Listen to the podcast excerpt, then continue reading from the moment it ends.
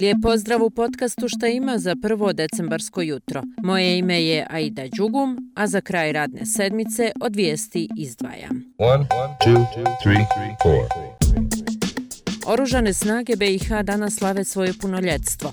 18 godina postojanja. Tokom centralne vojne svečanosti dan ranije u kasarni Rajlovac u Sarajevu predsjedavajući predsjedništva BiH Željko Komšić je izjavio. Važnost postojanja oružanih snaga BiH nije samo vojničkog karaktera, nego je dominantno političkog i sigurnostnog karaktera. I kažem, pokušajmo zamisliti samo šta bi bilo da nemamo oružane snage ovakve kakve sad imamo a načelnik zajedničkog štaba general pukovnik Senad Mašović naglasio je da su oružane snage BiH opravdale svrhu postojanja. I pokazali su po mnogo čemu zaista da jesu istinski najuspješnija reforma u Bosni i Hercegovini. U toku svojih 18 godina rasli smo jačali i mogu reći da kruna svega onoga što u stvari rade oružane snage je u stvari bilo prošle godine ocjenjivanje lake bataljonske grupe Pišadije, koja je ocjenjena od strane NATO Saveza da je potpunosti borbeno spremna Premijer Republike Srpske Radovan Višković izjavio je da će vlada tog BH entiteta danas usvojiti budžet i ekonomsku politiku za 2024. godinu.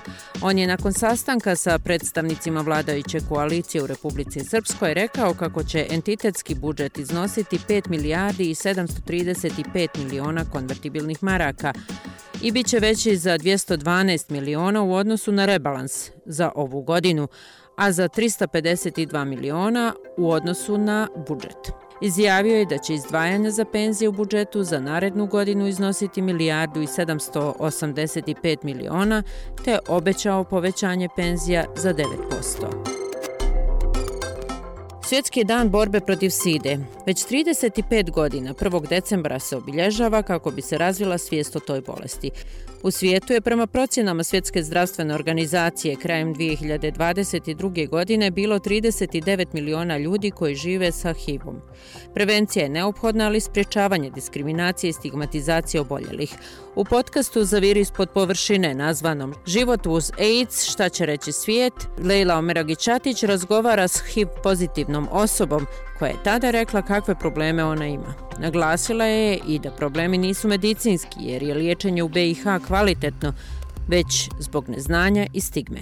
Ima tačan način kako se infekcija prenosi. Nezaštićene odnose, direktnom linijom krv na krv, majka ako doji djete, a pozdravom zagrljajem korištenja iste odjeće, prostorije, zraka, poljubce koje ne moguće prenijeti, ali e, većina ljudi ne zna to. I zbog to postoji ta stigmatiziranost. Sad te pozitivne osobe mogu da imaju i porodicu i da imaju djecu koja su bili negativna. Toliko je medicina napredovala da je to, mislim, čudo. U Mostaru danas Zavod za javno zdravstvo Federacije Bosne i Hercegovine u saradnji sa Sveučilišnom kliničkom bolnicom Mostar organizuje dobrovoljno i besplatno testiranje na HIV, te hepatitis B i C. A građani Sarajeva su to već obavili 29. novembra, a sve u cilju podizanja građanske svijesti i spriječavanje širenja HIV-a. Kako piše Forbes i CBS News, Google od danas počinje čišćenje cijelog sistema zbog zaštite korisnika od sigurnosnih prijetnji kao što su spam, phishing prevare i krađa računa. Google briše neaktivne račune iz svog sistema jer, kako kažu, postoji veća vjerovatnoća da će biti ugroženi. Kad je račun ugrožen, može se koristiti za bilo šta, od krađa identiteta do neželjenog ili čak zlonamjernog sadržaja, naveli su iz ove kompanije. Eto, i to da znate da provjerite svoje Google račune. Još za ljubitelje futbala da napomenem da danas u 18 sati igraju Veleži Sarajevo, čime počinje 16. kolo premijer Lige BiH. Ugodan vam vikend želim i čujemo se naredne sedmice.